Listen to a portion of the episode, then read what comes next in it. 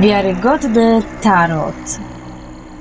Istnieją ludzie, którzy w najlepszym razie uważają tarot za frywolną rozrywkę, w najgorszym zaś za pogoń za złem lub oszukańczą praktykę. O ile nie mieszkasz w wyjątkowej i w pewien sposób odizolowanej społeczności, my tarociści okazjonalnie spotykamy ludzi, którzy niezłomnie i głośno trzymają się tych poglądów. Dla naszego własnego spokoju i utrzymania efektywności w odczytywaniu ważne jest to, abyśmy tę negatywną energię powodowaną przez uprzedzenia i oskarżenia rozsiali, wykorzystując przeciwne im fakty. W zależności od tego, kto je podnosi, w większości przypadków te oskarżenia nie czynią szkody. Czasami jednak takie lekceważące komentarze mogą negatywnie wpłynąć na wzrost naszej praktyki odczytywania tarota oraz ogólnie wpłynąć na postrzeganie tarota przez ogół społeczeństwa. Trzeba więc stawić im czoła natychmiast.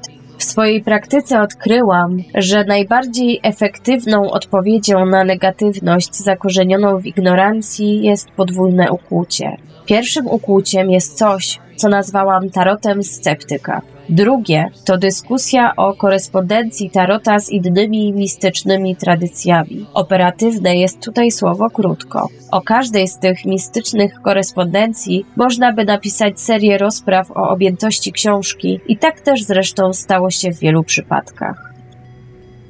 Tarot sceptyka Tarot jest idealnie dopasowany do sceptyków. Tak długo jak towarzyszy mu otwarty umysł, sceptycyzm prowadzi do dogłębnego zbadania prawdy. Sceptycy są zmotywowani, by dokopać się pod powierzchnię problemu, aby spenetrować i wydobyć prawdę. Pracują, by przedostać się przez powierzchowne maski, których celem jest oszustwo. Tarot zwraca się do głębszych źródeł znaczenia, które przenikają nasze najgłębsze warstwy świadomości. Te głębsze warstwy świadomości zawierają uniwersalne zespoły energii, które nazwano archetypami. Psychologia archetypowa to dobrze uznawane podejście do rozumienia ludzkiej psyche przez naukowców badających społeczność, takich jak antropolodzy, pracownicy społeczni i edukatorzy. Fenomenalne dzieło życia Josepha Campbella stanowiło międzykulturową eksplorację poprzez archetypy i ich wpływ na psychę, społeczność, kulturę i ewolucję. Wielkie arkana przedstawiają szeroki zakres archetypów, zaś interpretatorzy tarota pokazują, jak te tarotowe archetypy uczą o wzroście i rozwoju człowieka z punktu widzenia psychologicznego, duchowego czy też fizycznego.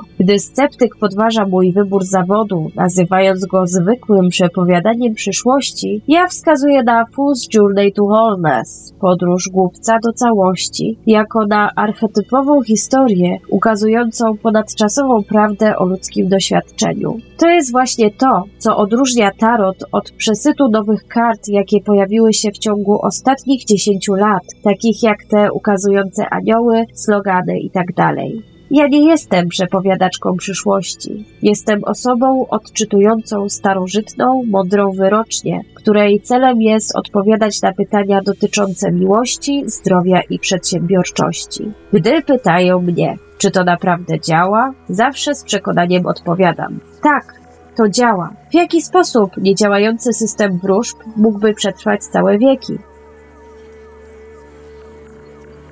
Diabelska talia kart gdy słyszę oskarżenia, że tarot jest dziełem diabła, rzadko tak się dzieje, ponieważ większość ludzi w to wierzących nie mówi mi tego wprost. Wskazuję na korespondencję tarota z wieloma innymi mistycznymi tradycjami, jak też na fakt, że wielu tarocistów pozostaje głęboko wierzącymi zwolennikami m.in. chrześcijaństwa, judaizmu, islamu, buddyzmu. Mark Patrick Hederman, autor książki Tarot, Talisman or Taboo, wydawnictwo Courage Press 2003, jest mnichem i filozofem, który napisał fascynujący traktat poświęcony związkowi chrześcijaństwa z tarotem. Powołując się na Meditations on the Tarot, A Journey into Christian Hermeticism, wydawnictwo Element Classic Editions oraz książkę Sally Nichols, Jung and the Tarot, przedstawia interesującą interpretację wielkich arkan, która łączy chrześcijański hermetyzm z jungowską psychologią. Książka ta będzie niewątpliwie wielką przyjemnością i ulgą dla współczesnych początkujących chrześcijańskich tarocistów. Hederman jednakże rzuca nieodwołalne oskarżenie wobec używania kart do wróżenia, jak też używa słowa okultyzm w sposób lekceważący. Głęboko szanuje on tarot z uwagi na jego ezoteryczną wiedzę oraz zastosowanie w medytacji. Przez trzy stulecia był on, tarot, wykorzystywany przez okultystów i kartomantów w takim stopniu, że został okryty złą sławą. Ludzie od niego uciekają. Słyszałem, jak nazywano go diabelską talią. Stał się czymś w rodzaju kozła ofiarnego. A zanim to się stało, tarot był wykorzystany w idealnie nieszkodliwym kontekście i rozwijany wewnątrz tradycyjnego symbolizmu chrześcijańskiego. To, że zostało to zmonopolizowane przez osoby czerpiące korzyści i przepowiadaczy przyszłości, zakazane przez głosicieli paniki i alarmistów, zabronione przez władze zarówno świeckie, jak i kościelne, jest zrozumiałe. Karty mogą stanowić źródło osobistej integracji i autonomii, która nie podoba się tym, którzy pragną kontrolować innych. Strona 98. Hederman błyskotliwie przekazał w tym stwierdzeniu wiele głębokich chrześcijańskich perspektyw. Zaczerpnął głębokiej natury tarota względem chrześcijaństwa, by wzbudzić ponownie zainteresowanie chrześcijan tarotem. Skrytykował wróżbiarstwo jako efektywną technikę samoochrony oraz rozprzestrzenianie paniki, jak też precyzyjnie wskazał, dlaczego tarot jest odrzucany przez tradycyjną religię. Hederman reprezentuje radykalny kraniec teologii chrześcijańskiej, szanując tarot. Co ironiczne, w ostatnim rozdziale swojej książki, po zamachach z 11 września, wykonuje odczyt wespół z niewielką grupą ludzi, co podejrzanie brzmi jak wiara we wróżebną moc tarota. Karta numer jeden, która jak się okazało przedstawiała czarownika, jako pierwszy rok nowego wieku reprezentuje inteligencję, zdolność, samoprzekonanie, umiejętność kreowania własnego życia, własnego przeznaczenia. Taka płynność oparta jest na harmonicznej zmienności i równowadze pomiędzy świadomością a nieświadomością. Ci, którzy poznali mądrość, że tarot może uczyć, prawdopodobnie bardziej będą w stanie ukazać nam drogę ku postępowi. Strona 222. Smutna prawda jest taka, że prawdopodobnie nie uda nam się w inny sposób przekonać tych, którzy uważają tarot za dzieło diabła. To uprzedzenie posiada głębokie i przenikające korzenie. Słowo diabeł z angielskiego devil wywodzi się od słowa devi oznaczającego kobietę oraz deva oznaczającego indoazjatyckie bóstwo. Demonizuje się bogów i boginie czczonych przez społeczność, wobec której uciskająca ją grupa chce stosować represje. Wielu uczniów uczęszczających do kościołów swoje zainteresowanie tarotem utrzymuje w tajemnicy.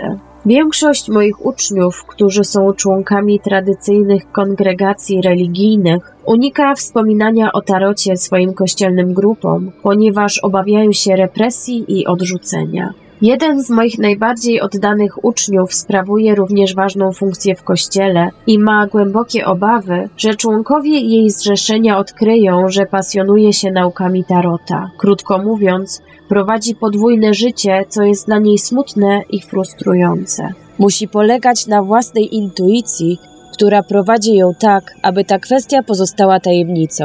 Jakże to niefortunne, że Tarot został uznany za świętokradztwo i tym samym zepchnięty do rangi tabu. Ta uczennica Tarota chciałaby podzielić się ze swoimi przyjaciółmi niezwykłymi spostrzeżeniami Tarota w kwestii bycia człowiekiem, szczególnie, że cieszy się tymi naukami w swojej jesieni życia. Chciałaby tylko pokazać, jak tarot przyciąga mocne przekazy, które są transformatywne zarówno zbiorowo, jak i indywidualnie, szczególnie swojej grupie społecznej, która aktywnie udziela duchowych wskazówek i porad. Podobnie jak ta uczennica, wielu tarocistów będzie musiało dokonać mądrego osądu w kwestii potencjalnie dziwnego dualizmu w ich życiu, decydując jak wiele przekazać innym i z kim mogą bezpiecznie dzielić swoje szczere zainteresowanie tarotem. Ci sami religijni denuncjatorzy tarota Powiedzą również, że jego związek z diabłem jest udowodniony przez fakt, że tarot jest nauką okultystyczną. Osoby uczące się okultyzmu nie są czcicielami diabła.